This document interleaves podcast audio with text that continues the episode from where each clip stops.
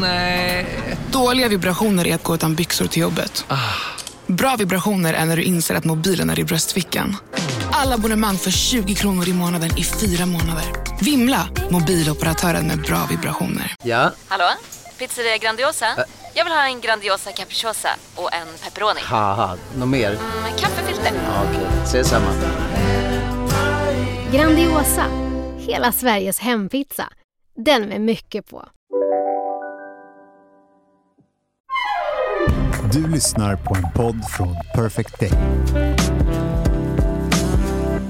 Nu är det snart alla helgona och det är en tid då vi kanske lite särskilt minns om vi har förlorat och de som inte längre finns hos oss. I anslutning till det så har jag tänkt att jag skulle vilja ha ett samtal med någon som likt mig har varit med om förlust. Men jag har också känt att jag inte har vetat om jag orkar det eller om jag riktigt kan det. Ni förstår, de senaste avsnitten har varit mer lättsamma av en anledning. Jag har inte riktigt orkat prata om det som är svårt för att jag har själv befunnit mig på en plats där jag tycker att sorgen har varit lite överväldigande och jag har känt att jag har behövt få en paus från det. I alla fall i de här samtalen som jag har haft i podden. Jag har också känt att det är svårt att gömma sig från det som känns jobbigt och svårt. Och det kanske inte heller är meningen. För det har inte gjort det lättare direkt. Den här veckan så har jag bjudit in en person som jag har följt ett tag och som jag ibland har haft svårt att läsa saker från. Dels för att jag kan känna och förstå vad personen till viss del har varit med om och också förstå vad som gör ont. Men jag har också känt att jag vill dela med mig lite mer av hur jag känner och hur jag mår och vart jag står i livet. Och Det här avsnittet det fick bli en början på det. Jag känner mig lite mer modig att börja göra det igen nu. Varsågoda, här kommer veckans avsnitt.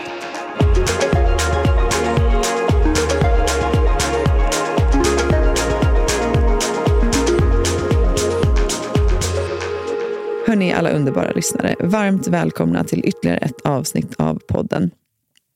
Den här veckan så kommer ni få lyssna till ett samtal som jag tror kommer vara både jobbigt och härligt att få lyssna på. Eh, men nu känner jag mig modig nog, inte stark nog. Det kommer du nog få märka under dagens samtal. Eh, men jag känner mig modig nog att ha det här samtalet idag. Och innan vi börjar så vill jag läsa en liten snutt ur boken som dagens gäst har skrivit.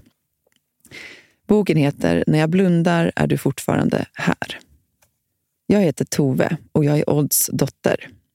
Det har jag alltid varit och det kommer jag alltid att förbli. Lika mycket som att jag för alltid kommer att vara Theos mamma. Fast Theo inte längre finns ibland oss. Oavsett var han befinner sig just nu så är vi alltid tillsammans i hjärtat, Theo och jag. Det här är min berättelse och vem jag var innan Theo. Vem jag var tillsammans med Theo och vem jag blev efter Theo.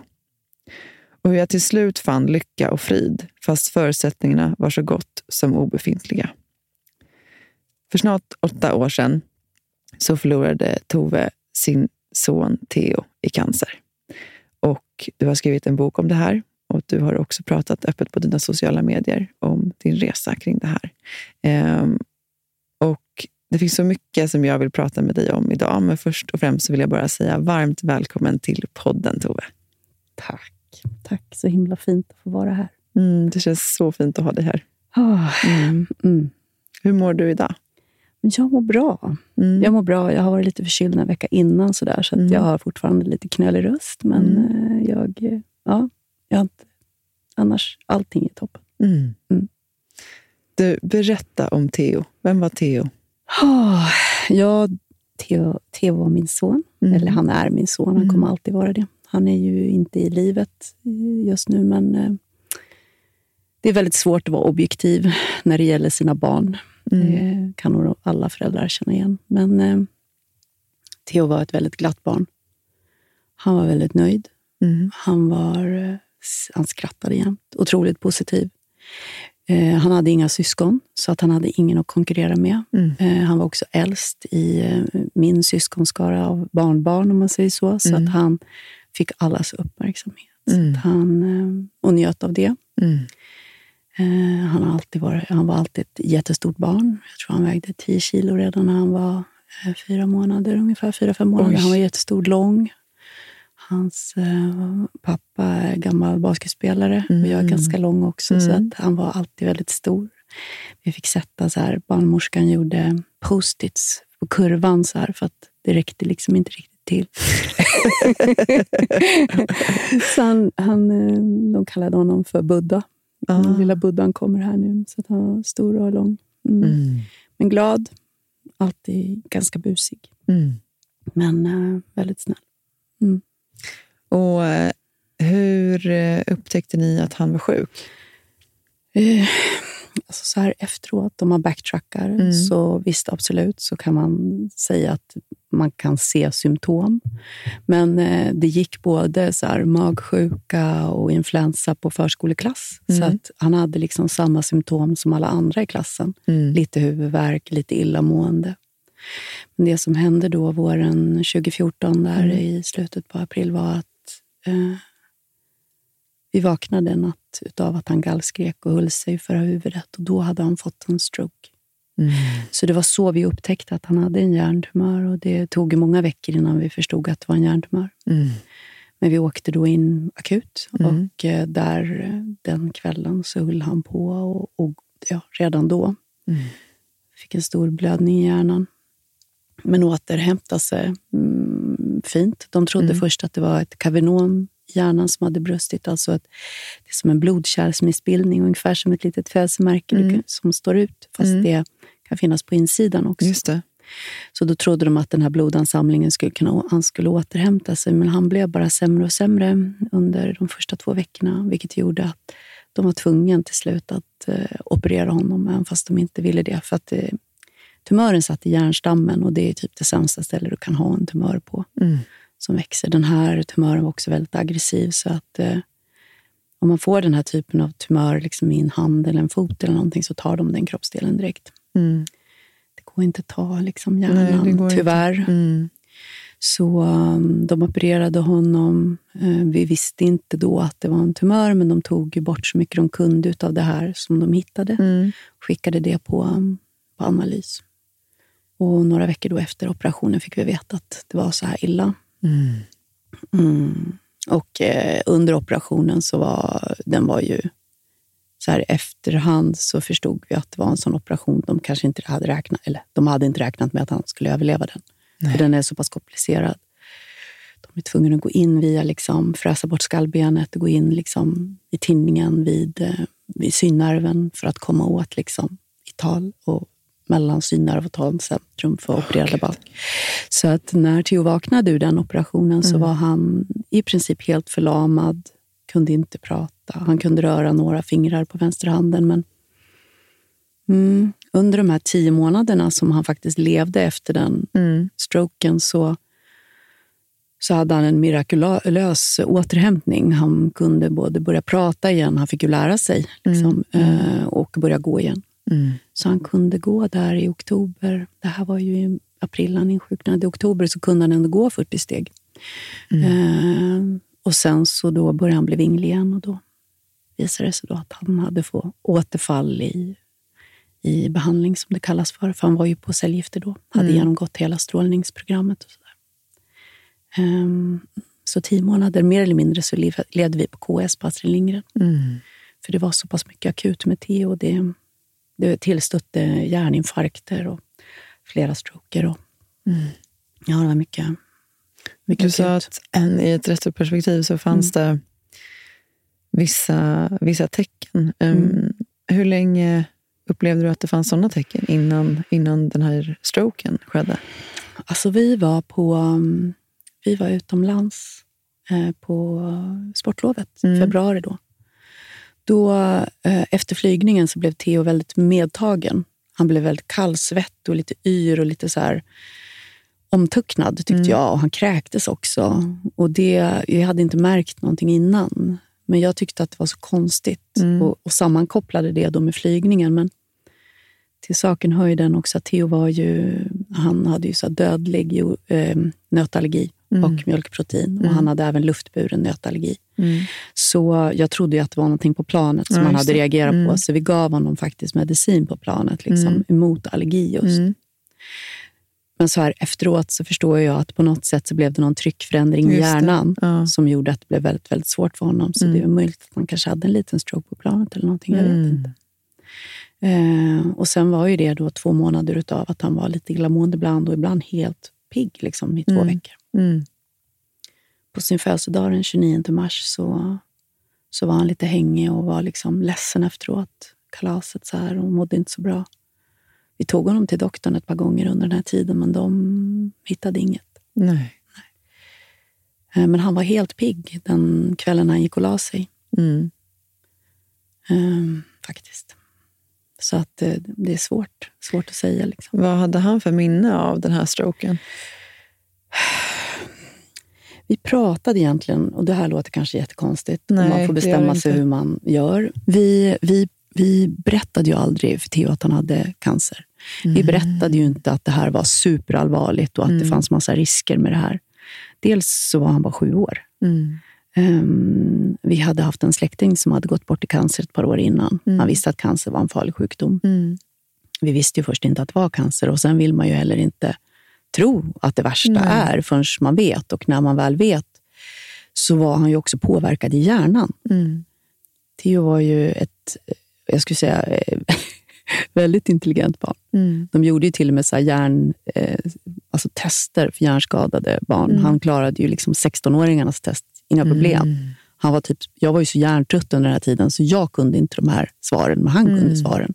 Och hade liksom opererat hjärnan, så jag vet inte. Mm. kanske säger mer om mig. Men så han var smart. Vi pratade om den här sjukdomen som när vi fick veta att det var cancer, som knölen. Mm. Och att det var någonting som han skulle bli frisk. Mm. Så det fanns, vi gav honom aldrig en sån här, det kommer inte, Nej. Alltså att han inte skulle överleva eller att det var superfarligt. Det var inte ett option att berätta för honom. Så han förstod inte att han skulle dö? Han förstod nog att han skulle dö på slutet. Mm. Eh, jag vet inte riktigt vad jag ska svara på den. Nej. Alltså, han var en av de absolut smartaste personerna jag känner fortfarande. Liksom, kan jag säga det. Han Mm. hade en otrolig kapacitet. Mm. Både intelligent men även så EQ. Mm. Och han eh, var väldigt intuitiv. Så att jag tror att han egentligen kanske förstod allt. Men så länge vi inte gav upp så gav inte han upp. Han var ju Nej. den som höll oss alla andra under den här tiden. Han var superpositiv. Jag berättar, hur var han under Ja, men det var ju helt sjukt. Eh, Vi hade uppdelningen att jag, eh, Theos pappa och jag, Theos pappa var mest med Theo. Mm. För han är världens bästa pappa och, Mm. och var liksom bäst på att ta hand om Theo Mm. eh, i den och se till att han har bra och roligt eftersom jag är lite mer allvarsam. Så um, är jag också den som är mer exekutiv och är den som tog hand om då, um, alla läkarkontakter. Mm. Läste på allting och såg till att Theo fick den vården han behövde. Mm. Och eh, ja, manipulerade det spelet, som jag Mm. brukar kalla det för. För det lär man sig efter ett tag. För att man inte ska behöva vänta på köer. Och... Berätta mer om det. Jag tror att vi hade väldigt otur. Jag vill tro att vi hade väldigt otur, för vi hade det väldigt svårt under de här tio månaderna. Mm. Det begicks väldigt mycket fel. Eh, Det var, han blev felmedicinerad flera gånger och de höll också på att ge honom medicin med mjölk i. Mm. Vilket, Oj. hade det varit två, två, Theo kunde dö av två droppar. Mm. Men de ville ge honom både mjölklavemang och det var, de höll på att söva honom på 75 kilo fast han vägde 30. Och Mm. en kväll när jag hade varit hemma och hämtat kläder. För det hörde ju till att vi bodde i princip på KS de här tio månaderna. Mm. Det var ingen av oss som tordes lämna. Nej. Det fanns bara en sängplats extra, liksom. Mm. eller en soffa eller vad man nu ska kalla det för. Så att, oftast var det så att eh, Theos pappa han sov Mm. bredvid Theo och jag satt uppe på nätterna och, och eh, googlade diagnoser, liksom allt sånt och Mm. eh, såg till så att jag visste den här medicinen han skulle få, läste med medicinen, hur mycket Mm. han skulle ha. Så att jag visste. Mm. Ehm, Jag kommunicerade också. Det var så... Boken som jag har skrivit, det är ju det, det är tre delar. Mm. En del om vem jag var innan Theo. Mm. Och sen del två, den handlar om... Till grunden är ju liksom Theos sjukdomstid och under den tiden han var sjuk så, så använde jag mitt Instagramkonto som kommunikationscentral. Mm. För att dagstid så var det så akut med Theo, så jag ville inte vara någon annanstans än vara i närheten. Så, Mm. och jag hade heller ingen lust att ringa och, och berätta och liksom mantra allting som inte var bra. Mm. Så jag tog en bild på dagen och gjorde som ett dagboksinlägg. Så här, Det här har hänt oss idag. Så här ser det ut. Och jag var väldigt öppen och autentisk. Och var det någonting vi behövde så skrev jag det. Och, vissa dagar var det ju toppen och vi fick bra besked. Och andra eh, dagar var det ju som att jag ville liksom, dra ur sladden och Mm. rulla säng, liksom, sjukhussängen över liksom, åttonde våningen ner för att jag kände att jag fick panik. Liksom. Mm. Men eh, det var väldigt kaosigt. Det hände mycket väldigt konstiga saker. Vi, har väldigt, vi hade många alltså, avvikelserapporteringar som man kan göra. Då. Min bild ehm, är ju att eh, Elin fick eh, liksom massa fin hjälp från KS, men att det också... Ja, jag är liksom kluven eh, också. Eh, det, det finns mycket som... Och jag tror ju verkligen inte egentligen att det är... Eller jag är helt övertygad om att det inte liksom är att saker sker av illvilja, utan det bara liksom är fel på systemet. Alltså, folk hinner inte med. Eh, de är inte liksom pålästa kring helhet eh, och det kommer någon som har lämnat över Mm. eller, ja, när någon annan bara har lämnat över. Man kanske inte alltid hinner prata. Alltså, det är mer den känslan man kanske har. Sen så tror jag ju mer... Alltså jag upplever ju också att Elin gav ju uttryck för det många gånger också. Att eh, hon ibland liksom kände sig som en så försökskanin. Eh, och så lite som collateral damage ungefär. Eh, och jag vet inte hur mycket du vet om det, men hon... Vi upptäckte ju under tiden som hon var sjuk, vi gjorde också så att vi begärde ut, alla, liksom vi begärde ut hennes journal och vi översatte den och för att skicka ner liksom till andra sjukhus för att få second opinions och allt sånt där. Och då eh, upptäckte ju vi att det fanns en notering i hennes journal eh, från tio år tidigare där man hade skrivit en anteckning om att man såg en förändring i ena lungan och att det borde utredas vidare. Men, men det gjordes aldrig det. Så det var ju något som någon hade noterat men aldrig informerat varken henne eller ja, någon annan om eh, och inte då tagit vidare. Så det är klart att liksom från alltså, vårt håll också så är det så här, ja, men tänk om man hade hanterat det då. Mm. Istället för att det blev 18 centimeter. Och vi kan aldrig vara helt säkra på att det var det, men jag menar, Nej. sannolikt så var det ju, Ja. var det ju därifrån liksom, det var sprunget. Men en, liksom en lång väg till min fråga. Men det, jag- det jag har tänkt på, för jag kommer ihåg när vi upptäckte det där så, så blev vi alla så otroligt arga initialt. Eh, och jag kommer ihåg att jag började driva det också rent juridiskt, eftersom jag själv är jurist. Ehm, och sen så var det faktiskt Elin som till slut sa att så, nej men vi gör inte det där nu. Vi, vi pausar där. Ta upp det där sen i så fall. Eh, för det blir för mycket negativ energi. Or, jag orkar inte det. Mm. Och jag tror att någonstans i och med det så har jag så här, sakta men säkert också vågat liksom, släppa det mer och mer. Sen så vet jag att det finns en jättestor vikt i att anmäla det för att det inte ska ske och hända andra. Men, men vad jag vill komma till är att så här, alltså det är ibland svårt att släppa ilskan när, man, när det är så mycket som men det hade inte behövt bli så där eller tänk om. Alltså de tankarna eh, antar jag att du också har haft. Hur Har, har du känt så? Alltså, under tiden Theo var sjuk var jag ju arg nästan varje dag. För det var ju liksom jättekonstiga saker som hände. Ehm, bara en sån sak som till exempel på, på Sveriges liksom, bästa barnsjukhus, kanske ett av de bästa i Europa ska vara.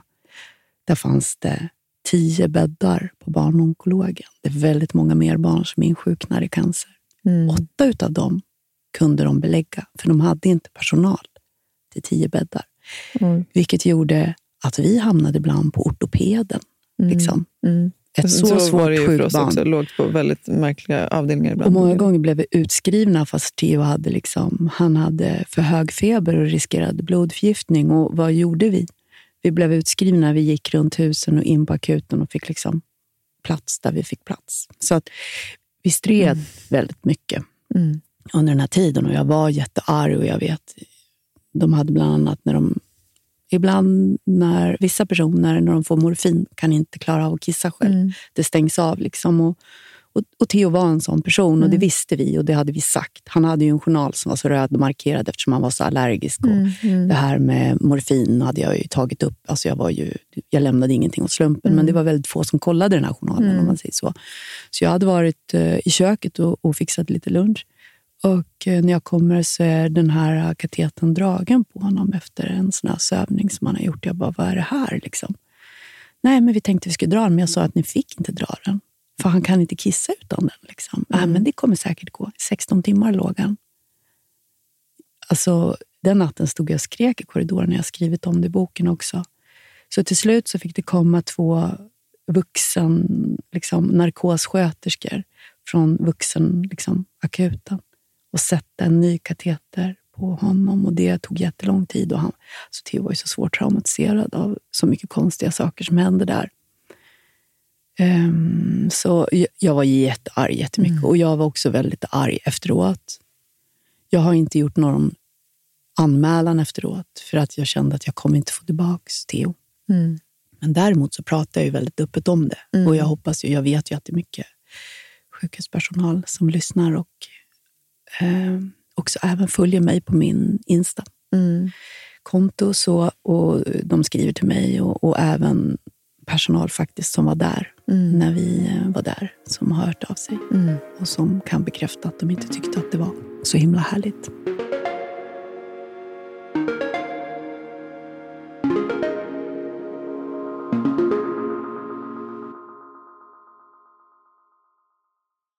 Älsklingar, den här veckan är ju Under your skin med oss igen i podden. Vi älskar ju bra produkter som är bra för oss Mhm. och våran kropp. Och Det är ju faktiskt så att alla Under Your Skins produkter är naturliga, veganska och ekologiska. Och det här är det bästa.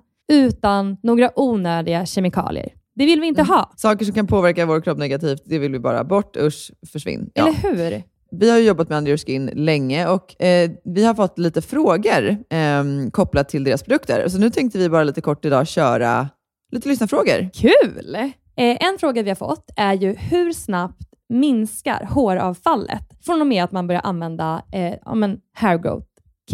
Ja, just det. Alltså, precis, för de har ju ett eget hair growth kit. Jag använder ju den och har ju använt den nu eh, ett bra tag. Och Jag var tvungen att faktiskt gå in och kolla på deras hemsida vad de skrev, för min upplevelse var ju att det, det minskade bara redan under första veckan. Det gick jättefort från att jag kunde känna skillnad när jag borstade håret på hur mycket hår som fastnade i borsten. Då har jag ju såklart också kikat då, och det är ju faktiskt det också som de själva rapporterar, att det ska gå så fort om det inte är så att man har någon särskild diagnos. Ja, såklart. Ja, men gud Ja, vad grymt. och, ja, men, så det är en sån här sak som att ja, men dels om man borstar då ser man ju hur mycket som kommer på borsten, men också alltså, man skulle till och med kunna typ, så väga håret bara för att se ja. skillnad. Jag märker jättestor skillnad. Okej, ska Eh, vi vi har ta- en till lyssnarfråga, Ja, eller hur? ja, men exakt. Eh, har du någon? Det här är en fråga som jag tycker är skitbra. Det är så här, kan man kombinera hair growth serum med detox shampoo och balsam?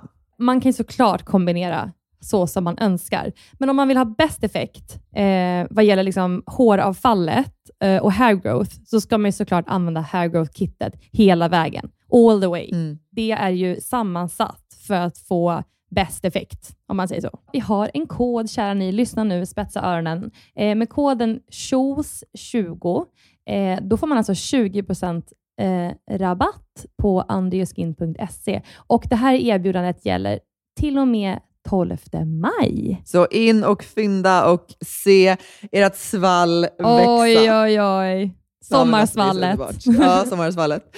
Tusen tack Under Your Skin. Vad har det gjort med dig då? Att du var så där arg under tiden? Kände du dig så frustrerad? Alltså, då så tror jag att det gav mig ganska mycket energi. Mm. Så det kanske inte var helt dumt, om man säger så, rent energimässigt. Men Nej, det tog också är det inte energi. ibland lättare att vara arg än att vara ledsen? Alltså så har Ja. jag känt många Ja. gånger. Ja. Och jag tillät mig ju inte vara ledsen på dagarna. Nej. Utan jag... Theo skulle ha det så bra som möjligt. Jag ville Mm. inte vara liksom, visa honom att jag var ledsen. Eller, det är klart att han plockar upp att man är orolig. Jag menar, barn läser ju en intuitivt. Det är deras överlevnadsstrategi, barn. Liksom. Mm. Det är så de går in och det är så de anpassar sig när de växer upp. Så det är klart att han förstod. Men, vi försökte liksom hålla det så coolt som vi bara kunde Mm. eh, inför honom. Och sen, ja, vårt äktenskap krackelerade ju under den här tiden också. Det var ju inte bra innan, men, men där, där och då var ju det väldigt svårt för oss att kommunicera. Så att vi hade den dealen att du kör Theo ser till att han får liksom ha det så bra som möjligt och jag kör läkar, läkarna. Finns det någonting eh, du ångrar i det? Eh, ja, jag hade kunnat varit mer med Theo. Mm. Jag hade ju hela nätterna. Mm. Då var jag ju väldigt vaken och satt bredvid honom. Liksom. Jag var med honom då, han var inte vaken. Um, jag och Theos pappa har pratat om det här efteråt och, Mm. och det var faktiskt han som sa det. Jag, jag, har, jag känner skuld för att inte du fick vara lika mycket med Theo som jag fick. Mm. Jag hade inte ens tänkt det så. Mm. Ehm, det var väldigt fint att säga det, men jag tror att vi gjorde det vi var bäst på just då. Mm. Och jag försöker att inte skuldbelägga mig för det. Nej, det tycker jag verkligen inte att du ska göra. Nej. Nej. Nej, men alltså... Ja, vi var ju med honom 24 timmar Mm. liksom, om dygnet. Det var vi, men jag var inte den som var inne i rummet jämt. Nej. Jag var den som tog det. Vi, är också bra, vi var också bra på olika saker. Mm. Och jag skulle aldrig ha känt mig helt liksom, trygg med att inte få göra det, den delen jag gjorde. Nej. För jag det är också- liksom petimeterpetig. Ja. Och, och jag, hade, jag har sånt kontrollbehov så att det hade inte gått. Men jag tänker också att Mm. det där är ju... Kommer inte ihåg vad som sa det, men Mm. det är ju ofta så att så som man är agerar man ju också i kris. Jo, men Mm. Det var när jag hade Mm. systrarna till Johan Floderus eh, Mm. för några veckor sedan. Mm. Att det blir ju, så, så upplever jag det också. Alltså, Mm. för jag var ju också likt, jag är också lik dig på det sättet. Jag är ganska så exekutiv. Och, liksom, och då blir ju att man kanske ännu mer går in i den rollen när man hamnar i kris. Eh, så har jag i alla fall upplevt det. Att man blir som ännu mer. Men det här kan jag bidra med. Mm. Och då, då vill man göra det Mm. liksom, på det sättet man kan. Mm. Så jag tänker att du gjorde väl liksom allt det du kunde med dina förutsättningar. Mm. Men jag frågar dig bara för Ja. att jag, jag har själv... Men det finns en sak som, som, men som också är en sån här sak som jag försöker att så här, ja, men inte liksom skuldbelägga Mm. mig själv för. Jag blir typ ledsen när jag bara tänker på det. Men, ehm, jag vet inte om jag kommer orka säga det. Men Mm. ehm, sista, sista kvällen som jag såg Elin ehm, så var jag lite förkyld. Mm. Mm. Det är alla känslor är okej, ja, som jag brukar säga. Verkligen. Ehm, Ja. Nej, men sista kvällen så... ehm, hon bodde ju också på sjukhuset mycket i Mm. slutet. Och det var precis som för er och T. Det fanns ju bara liksom en sån här... En säng i väggen som man kunde dra ut som Mm. var typ så här 60 centimeter bred. Liksom. Mm. Eh, och vi turades ibland om att sova där, liksom, skavfötters. Men, men det Mm. var ju svårt. Ehm, och så var det en kväll då när hon var så här, nej men jag, jag sover nog själv ikväll. Liksom. Jag är ändå så trött och kom hit imorgon istället. Så där. Eh, hela vår tid har ju varit mycket om att här, försöka lyssna, lyssna på henne och liksom låta henne styra. Ehm, och då kom jag ihåg när jag skulle säga hej då till henne, då, så var jag lite förkyld och så tänkte jag så här, men jag, jag ska inte krama henne så hårt. För tänk om, hon, om hon blir förkyld, för hon hade ju så dåligt immunförsvar. Så jag så här höll andan eh, och kramade liksom inte riktigt eh, henne så som jag egentligen hade velat krama henne. Eh, och då visste jag ju inte att det var liksom sista, Mm. sista gången jag fick krama henne, när Mm. hon var vid medvetande. Mm. Och det är en sån sak som jag har tänkt på, att så här, gud varför bara inte Mm. kramade henne ordentligt. Liksom. Mm.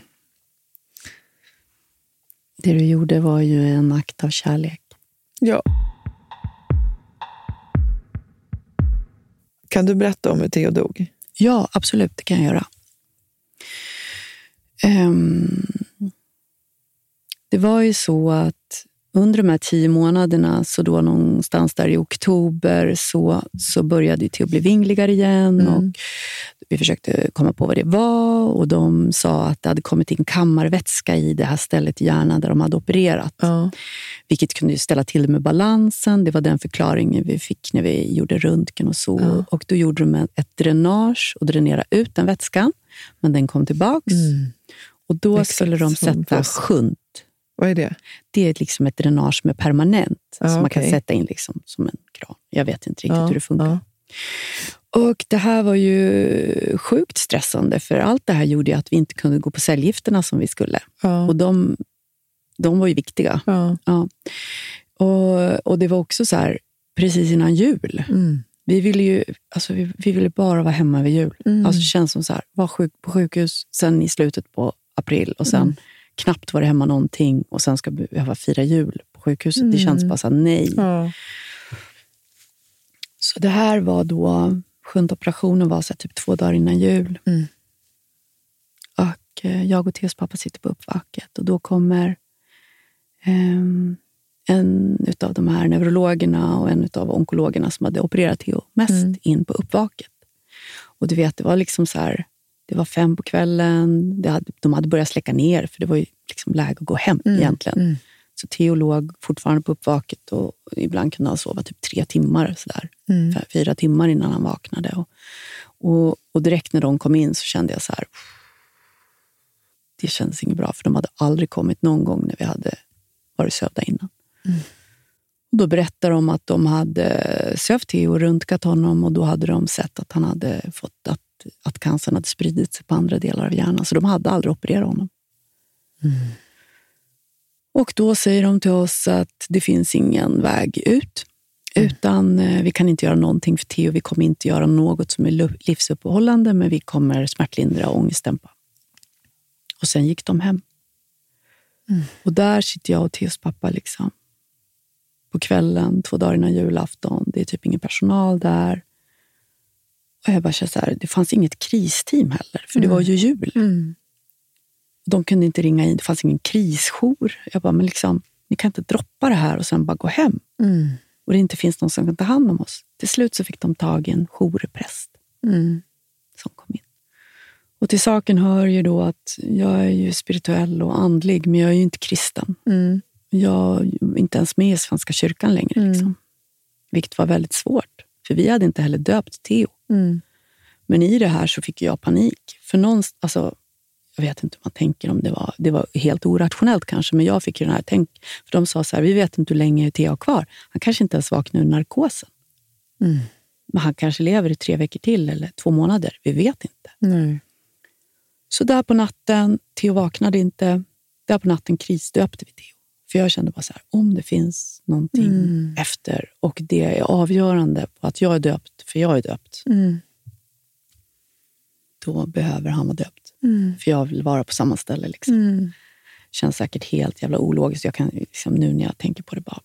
Nej, Ja, så men då var det fint så. Alltså, otroligt fint. Så då döpte vi Theo på natten och eh, han vaknade inte som tur var. För vad- alltså, det hade ju varit jättekonstigt om han hade vaknat och stod präst där. Han hade blivit livrädd. Liksom. Mm. Eh, men han vaknade till lite senare på natten och bara tittade på mig. Liksom, typ, och jag bara shh, shh, sov. Liksom. Mm. Och det var ju skönt att han vaknade, för jag visste inte om han skulle vakna. Men Mm. samtidigt, så här, jag hade aldrig kunnat... Alltså om man hade vaknat till, jag var ju helt, jag var ju helt knäppt. Mm. Det hade ju, vi hade ju fått ett dödsbesked precis. Och då sa jag till dem som var där att imorgon åker vi hem. Så att ni vet, imorgon ska vi hem. För Theo ska inte behöva dö på sjukhus. Mm. För nu har vi fått nog. Ni Mm. kan inte göra någonting för oss här, så att vi ska hem. Mm. Till saken hör ju då att Theo hade ju kateter. Mm. Han hade också magstomi, för det var så vi matade honom mycket. Mm. Eftersom på cellgifterna mådde så dåligt utav det, så han fick inte i sig näring. Mm. Och sen hade han ju portakat. Kanske Elin också hade. Eller? Där man stoppar cellgifter i och morfin. det är Mm, som en liten precis. dosa som är inopererad liksom, i Inopererad på bröstkorgen. bröstet. Ja. Ja. hon hade det precis i slutet. Mm. Ja, men sån hade ju Theo också. Då. Så eh, de sa att ni får vänta till efter eh, eh, nyårshelgen när alla är tillbaka. Så sa jag det är inte ett option för oss. Mm. Och under de här tio månaderna så hade jag lärt mig hur man får som man vill. Så att, eh, nästa dag så fick vi åka en sån här vårdtransport hem. Mm. Och eh, vi fick sjukvård i hemmet. De Mm. kom och delade medicin ett par gånger per dag. Mm. Och jag skötte honom och jag bytte alla påsar, kateter och gav mat. Och um, morfin och sånt får inte jag ge då. Nej. Men de kopplade det till en pump. Så, och även så ångestdämpande och smärtlindrande. Så den kunde ju Theo trycka på själv. Mm. Han var ju morfinist på slutet. Så var det ju. För att eh, han fick ju ångest på slutet. Mm. Vi berättade inte för Theo att han skulle dö, utan jag och Theos pappa bestämde oss för att vi skulle göra den sista tiden så bra som möjligt. Mm. Hur man nu gör det. Mm. Så det var, vi fick hjälp och fixade en stor julgran. Vi klädde julgranen. Vi bjöd in alla liksom, som ville komma. Som vi Mm. kände. Vi hade artister som var och uppträdde och det var trollkarlar. Och Theo fick massage det var massor av fina grejer. Det kom hundar och katter och vi är ju pälsdjursallergiker. Inte Theo, men det det var bara så här, in med allt. nu maxar vi liksom. Så här. Vi bestämde oss för att köra rakt in i kaklet för att vi tänkte att vad har vi att förlora? Vi visste ju, det som var jobbigt var att vi inte visste hur lång tid det var. Mm. Och någonstans där, vet du, så trodde jag ju att han skulle bli frisk. Att någon liksom så här skulle, nej men gud, vi har gjort fel här. Vi kommer Mm. ändra det här, det Mm. kommer gå bra. Mm. Alltså det, jag gav inte upp förrän han slutade andas, Mm. faktiskt. Och jag gav nog inte upp efter det heller. Nej. Så um, ja, det var svårt. Hur var det att leva den där tiden när ni visste att han skulle dö? Ja, du vet ju hur det är. Det är fan vidrigt. Mm. Man vet liksom inte varje morgon när jag vaknar. Alltså grejen är att jag sov ju en, två timmar per dygn. Mm. För jag pallade inte vakna varje morgon. Mm. För den, mon, den morgonångesten som man har när man Mm. tror att allting är en dröm och så vaknar man till sin värsta mardröm Mm. varenda dag. Liksom. Så att om jag somnade på natten, för det var ju det att jag hade så orolig sömn. Jag blev sömnstörd Mm. under den här tiden Mm. för jag var så jävla rädd för att missa någonting. Så Mm. under de här tio månaderna hade jag kanske sovit ett par timmar per dygn. Mm. Så min hjärna var inte världens snabbaste, men jag är helt imponerad att det funkade ändå. Men om jag vaknade mitt i natten så somnade jag inte om, för det var plågsamt att göra samma liksom, rutin Mm. flera gånger. Mm. Att vakna till det här hel, helvetet. Liksom. Eh, det var ju hemskt. Jag, eh, jag gick nog bara liksom på så här ångorna, och, för att man ger aldrig upp för sitt barn på Nej. något sätt. Men det var ju då den 18 januari. Vi kom ju hem där precis dagen innan jul. Men på kvällen där 18 januari då hade hemsjukvården precis varit hos oss. En läkare hade kommit för att vi hade haft så jäkla tufft dygnen innan. Och De sa att vi vet inte, det kan ta liksom typ ett par veckor eller en månad till. Och jag bara kände så här, om det är så illa som det hade varit natten innan. För då var det så här att hade jag kunnat trycka på den här liksom knappen som smällde alltihop, då hade jag gjort det då. För dig eller för honom? För alla. Mm. För att jag kände bara att det kan inte vara så här vidrigt. Man vill inte att den man älskar tynar bort på det här sättet. Cancer är en fruktansvärd sjukdom. Mm. För den är så jäkla ovärdig. Mm. Eh, och den är så ful. Och så... Nej, den är fruktansvärd. Liksom. Mm. Så att Theo hade ju så mycket ångest och han var ju morfinist på slutet. Och han fick trycka på den där... eh, Alltså de hade ju laddat den så man kan ju inte trycka hur mycket som helst. Han hade ju aldrig kunnat fått en överdos. Nej. Men han... eh, Hur, hur tog hans ångest sig uttryck? Han försökte ju liksom sysselsätta sig med det han kunde. Han kunde ju inte röra sig på slutet sista tiden. Han kunde inte eller prata den sista veckan i princip. Så att eh, det såg mest ut som att den... Ja, det var Theos pappa och min bror och, och, och alla andra. De, han kunde sitta och liksom titta på när någon annan spelade, till exempel på surfplattan spel, så att han kunde liksom bara försvinna bort i det. Eller titta på typ Harry Potter-filmerna, fast han, alltså han bara, liksom, du vet, han bara satt i det där på något Mm. sätt. Blev så absorberad i det. Eller sov. Men då den här januarikvällen, när de hade varit hemma hos oss, då hade vi en vän. Hon är läkare och jobbar med cancersjuka vuxna Mm. i slutskedet. Och hon ville inte gå hem. Och jag förstod liksom att det inte var bra på något sätt. Det var ju inte bra. Mm. Och hon dröjde sig kvar och det var flera hemma hos oss. Och, och han hade svårt att syresätta sig. Och Jag satt bakom honom i sängen, hade gjort det nästan hela dagen liksom, för att röra på kroppen. För att då gick syresättningen och hjärtat liksom upp i slag. Så jag satt Mm. liksom bakom honom och jag rörde honom. Jag hade nog inte ätit på ett par dagar då och jag hade nog knappt varit på toaletten heller, för det behöver man ju inte om man inte Nej. äter och dricker. Men då var jag så här, nej men jag måste gå och kissa. Liksom. Så jag böjde mig framåt och tippade honom lite åt sidan och då, då sa de så här, men gud, han är helt blå på läpparna. Och då tittade jag på händerna och då var de helt vita och blå på naglarna och jag bara...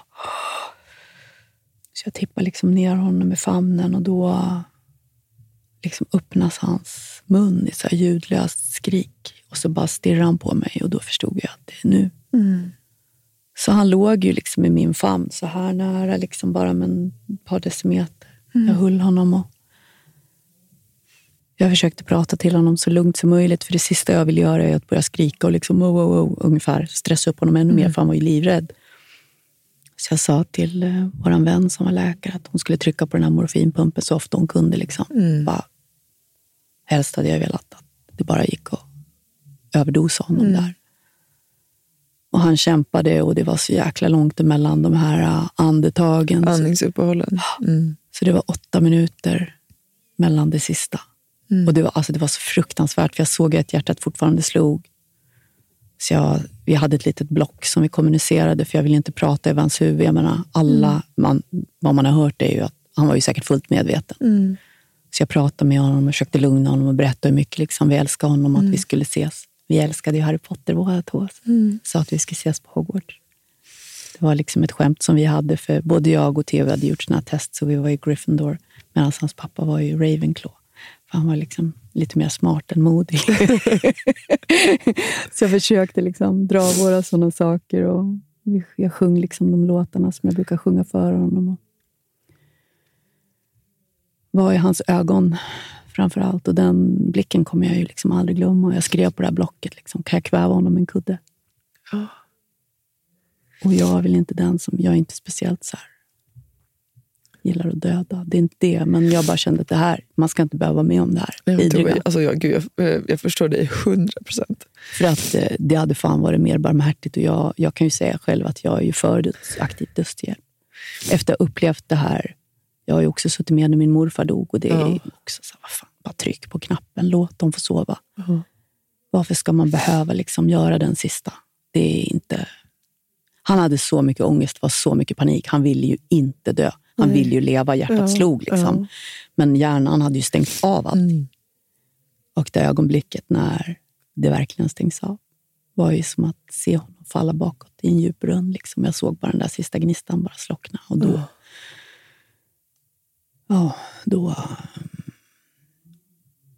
ja, men då brast det för mig. Ja. Då var det fy fan, det var...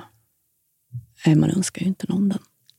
Nej. Den är så hemsk. Jag antar att du var där när Elin gick Ja, bort också. absolut.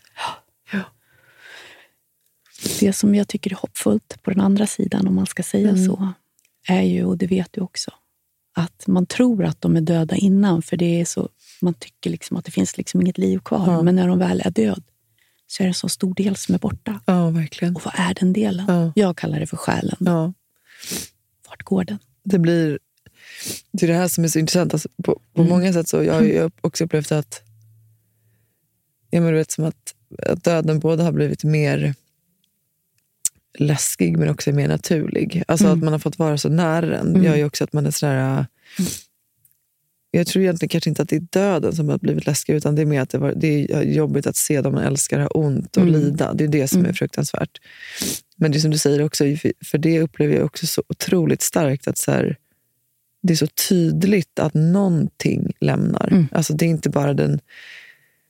Jag vet inte hur jag ska beskriva det, för det finns, en, det finns någonting så mekaniskt med att sen bara liksom när man bara ser att liksom kroppen kämpar på, men att det är som att någonting börjar försvinna därifrån. Mm. Ehm, och det tror jag liksom inte... Det blev ju otroligt tydligt när man har själv fått vara med om Mm. den stunden. Är du mer eller mindre rädd för döden efter Elin? Jag tror att jag är mindre rädd för döden. Mm. Hur känner du? Jag är helt orädd för döden. Ja. Jag tänker att det... Alltså för mig var ju det liksom den skönaste utvägen i nästan tre år. Att jag bara så här, berätta om det, det var ju så här, min verkligen plan A. Plan B var ju att orka överleva. Nej, men redan den natten så när Theo dog så då hade jag ju ändå, liksom, även fast jag trodde att han skulle överleva ända tills allting slocknade, så hade jag ju min plan. Vi hade ju så mycket mediciner hemma. Mm. Sådana man faktiskt dör över om man tar liksom för många. Och eh, Det var ju min plan. Och Det har jag skrivit också om i boken. Mm, jag läste det. Det var ju bara det att min familj hade ju förstått det där. Så de hade Hur ju hade de förstått det då? Hade du Jag hade väl, om det? alltså de förstod ju. Alltså, jag är en ganska handlingskraftig person och jag hade väl uttryckt att jag kommer aldrig överleva det här. Och eh, jag tror att alla tänker den tanken att Mm. ja, ja, jag, jag, alltså de känner mig så väl. Så Mm. det är inte så att jag någonsin har varit suicid förut. Nej. Men för mig var det så här. Jag, jag hade längtat efter Theo hela mitt liv. Jag hade liksom velat ha honom. Det har ju varit svårt för mig att bli gravid. Och få- blir jag gravid så får jag missfall. Och Så att jag hade ju längtat efter Theo så himla länge och jag har inte heller kunnat fått några syskon för jag har haft ännu fler missfall efteråt. Liksom, hållit på med IVF och såna saker. Och, ja, men 15 år försöka bli gravid, du vet. Åh, Gud, ja, kaos. Jag, jag kan bara liksom trösta dig med idag att jag är, jag är tacksam att jag inte har fler barn just nu. Varför då?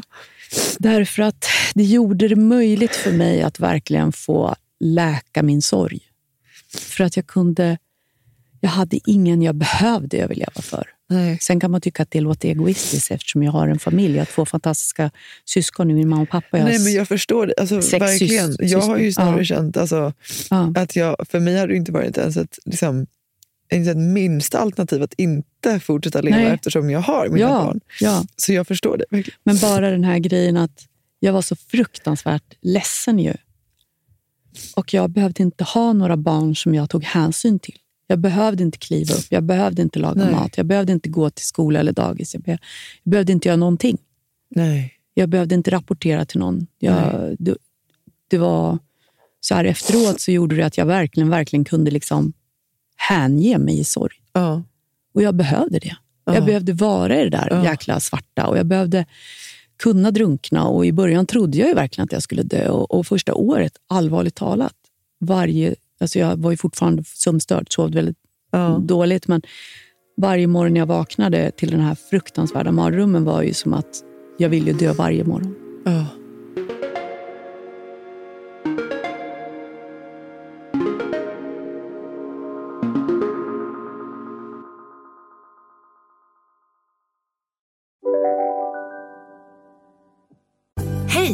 Synoptik här. Visste du att solens UV-strålar kan vara skadliga och åldra dina ögon i förtid? Kom in till oss så hjälper vi dig att hitta rätt solglasögon som skyddar dina ögon. Välkommen till Synoptik. Ni har väl inte missat att alla takeaway förpackningar ni slänger på rätt ställe ger fina deals i McDonalds app. Även om skräpet kommer från andra snabbmatsrestauranger. Exempelvis... Åh, sorry. Kom, kom åt något här. Exempelvis... Förlåt, det är något skit här. Andra snabbmatsrestauranger som... Vi, vi provar en talning till. La, la, la, la, la. La, la, la, la. Nu ska du få höra från butikscheferna i våra 200 varuhus i Norden. Samtidigt. Hej! Tack. Jo, för att med så många varuhus kan vi köpa kvalitetsvaror i jättevolymer. Det blir billigare så. Byggmax. Var smart. Handla billigt.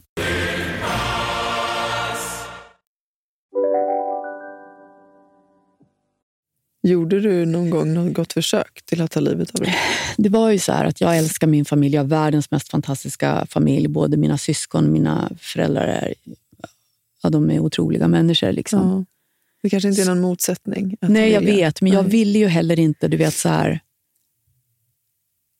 skjuta huvudet av mig. Det blir väldigt slaskigt. Ja. Jag ville heller inte kasta mig framför en bil, för det, det, jag tror på karma. Då skulle jag förstöra livet för den Mm. personen. Mm. 75 procent av de som hoppar på spåret överlever fast blir invalid. Mm. Ja, men alltså, det sista jag ville var att hamna som något vårdpaket. Mm. För jag hade inget förtroende för vården. Mm. Så jag var tvungen att komma på ett sätt som var så här, 0 procent chans att Ja. överleva. Och jag hade haft så mycket ont, så jag ville inte att det skulle göra ont. Ja. Jag ville inte att det skulle bli smetigt för Nej. den som skulle ta hand om mig. Nej. Jag var ju så otroligt trött i min hjärna så jag kunde, liksom, jag kunde inte tänka rakt. Jag, på riktigt så låg jag och höll andan. För jag tänker så här att jag tror ju på att innan Theo dog så trodde jag att allt var möjligt. Mm. Och jag trodde på allvar att jag kunde liksom dö av att bara bestämma mig för att dö. Mm. Att kroppen stängde ner. Och faktiskt så fick jag otroligt mycket psykosomatiska symptom. Mm. Fick så här störtblödningar. Liksom, så kroppen försökte så verkligen göra sig av med. Eh, så varje månad jag fick mens så bara, alltså jag galna blödningar och Mm. värk och ont och den gick sönder på alla möjliga konstiga sätt. Så jag tror att man kan påverka. Jag tror faktiskt att man kan dö på vilja. Men det tog nästan ett och ett halvt ett år innan jag kom på hur jag skulle dö. Mm. Med minst så collateral damage Mm. och med minst karma. Och jag var väldigt nöjd över det. Men då hade jag kommit så pass långt där på ett, ett och ett halvt år Så att jag kände att jag kanske inte behövde dö just nu, men det var så Mm. skönt för mig när jag hade kommit på hur jag skulle göra. Jag har ju gått ut i havet, alltså jag var ju i Thailand strax efteråt och försökte gå ut och dränka mig i havet. Och det var stor potential att kunna dö precis där. För det var väldigt mycket vågor och mycket så här, eh, tide, vad heter det? Jag kommer inte ens Ja, tidvatten, Ja, tidvatten. Men det, det är ju någonting med vatten, att det har ju alltid läkt mig. Ja. Så på något sätt var det så här, jag dog inte. Det var så jävla konstigt att jag inte gjorde det på något sätt. Eh, och det var eh, tvärtom, att jag blev så här, nästan förbannad. och så här, Jaha, ska jag inte dö nu? Nej, men okej, då kan jag gå och äta frukost. Ehm, men men ehm, Vad var det där sättet då, som du kom på? Då hade jag tänkt så här, att jag... Vi skilde oss under den här tiden. Vi hade varit tillsammans i 17 år. Vi, vi, ja, på ett år så hade jag ju liksom förlorat mitt barn, min man, mitt äktenskap, min bostad, alltså mitt hem, min ekonomi. Allting var ju bara Mm. inget kvar. Men jag hade ju pengarna från vår bostadsrätt som vi hade sålt. Mm. Så jag tänkte och jag visste vem jag skulle fråga. Inte vem som skulle utföra handlingen, men jag visste vem jag skulle fråga. Att få någon som faktiskt redan döda för pengar. Mm. Att kunna liksom skjuta mig på nära håll, i huvudet och i hjärtat. Som en avrättning, men att de fick alla mina pengar från bostadsrättsförsäljningen. Det var mycket pengar. Och att de pengarna kanske då skulle kunna hjälpa den personen att sluta döda för pengar. Fy fan. och att jag då kunde liksom också rigga det här på ett sätt, på ett ställe där folk kunde ta hand om mig. Det blir ju inte så slaskigt om man Vad skjuter kan med du rätt vapen på tänka rätt håll. idag när du tänker på att du hade de här tankarna? Nej, men alltså, jag tycker att det är fullt normalt. Alltså, idag skulle jag inte ta livet av mig på det sättet. Idag brukar jag säga om jag skulle bli dödligt sjuk Mm. så skulle jag vilja hoppa fallskärm utan fallskärm. Över något så här eh, i soluppgången, över något sånt här lite hajtätt hav. Det skulle jag vilja göra. Så jag liksom får en väldigt fin utsikt på vägen ner. Får dö i vatten som jag älskar och så Mm. ingår jag kretsloppet direkt. Tänker att det hade varit fint. Mm. Det låter som ett fint sätt. Mm. Så att eh, jag är inte suicid idag. Nej. Jag sik- siktar på typ så här 180-280 år. Mm. Det tycker jag känns mer rimligt. nu har jag ju också, jag lever ju för Theo också. Det var ju det som hände. Efter tre år så kom jag till liksom en sån här switch. Då hade jag, jag hade liksom bottnat i min sorg. Mm. Jag hade lyft på varenda sten. Alla de här säkert så här, jag borde. Hade jag gjort något annorlunda? Kunde Mm. jag gjort det på det här Mm. sättet? Hade jag hittat det här innan? Hade jag upptäckt det här tidigare? Mm. Alltså all sån här Mm. skuld, Mm. skam, ångest. Vad om? Varför händer inte dem istället för oss? De har fyra barn. Varför tog de vårat som Mm. jag kämpar för? De tar Mm. inte ens hand om sina barn. Liksom, Mm. Alla de här konstiga grejerna som man måste gå igenom. Liksom chockfas och Mm. ja, men sorgen har ju liksom sina faser. Och jag, för mig var det så här, förståelse. Vad var det som hade hänt? Acceptans. Det tog mig tre år. Jag letade efter Theo. Så fort det kom in barn på tunnelbanan så bara tyckte jag att jag hörde honom. Tyckte att jag såg honom. Mm. Gick jag förbi en skolgård så tyckte jag absolut att jag hörde honom. Liksom. Så att för mig var det så här, efter tre år, jag var tvungen att, så här, jag var tvungen att göra en ceremoni där jag lät honom, att det var okej att han var död. Mm. Att jag förlät honom för att han var död och för Mm. att jag lät honom gå vidare. Mm. Det låter helt sjukt att behöva förlåta sitt barn som dog. Han ville inte dö, men jag var tvungen att komma till den jag jag punkten i acceptans Ja. där jag bara sa du är död, du kommer inte tillbaks. Vi Mm. kommer inte ses mer just nu. Mm. Sen tror jag på att vi kanske ses igen. Men eh, det vet man ju inte. Nej, man Nej. hoppas ju det. Men jag tycker att han är så närvarande så mycket. Jag pratar ju med Theo varje dag.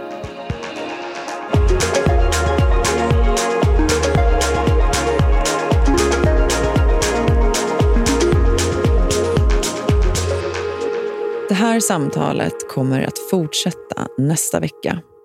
Det fanns så mycket som Tove och jag ville prata om och det fanns så mycket som hon delade med sig av. Så att jag ville inte klippa bort någonting. Det gick helt enkelt inte att få ner det till bara ett avsnitt. Nästa vecka kommer vi prata om hur man tar sig upp ur det där hålet. Vad är det som gör livet värt att leva? Och hur är det när man hittat ljuset och lyckan igen?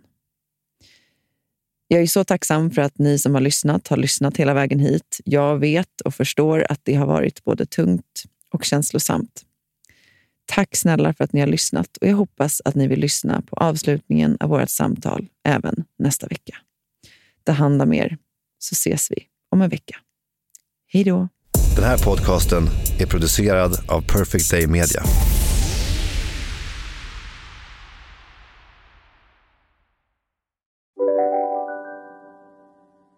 Du, åker på ekonomin. Har han träffat någon? Han ser så happy ut. Var det onsdag? Det är nog Ikea. Har du dejtar han någon där eller? Han säger att han bara äter. Ja, det är ju nice där alltså. Missa inte att onsdagar är happy days på IKEA. Fram till 31 maj äter du som är eller blir IKEA Family-medlem alla varmrätter till halva priset. Välkommen till IKEA. Hej, Susanne Axel här. När du gör som jag och listar dig på en av Krys vårdcentraler får du en fast läkarkontakt som kan din sjukdomshistoria. Du får träffa erfarna specialister, tillgång till lättakuten och så kan du chatta med vårdpersonalen. Så gör ditt viktigaste val idag, lista dig hos Kry. En nyhet. Nu kan du teckna livförsäkring hos Trygg-Hansa. Den ger dina nära ersättning som kan användas på det sätt som hjälper bäst. En försäkring för dig och till de som älskar dig. Läs mer och teckna på trygghansa.se. Trygg Hansa. Trygghet för livet.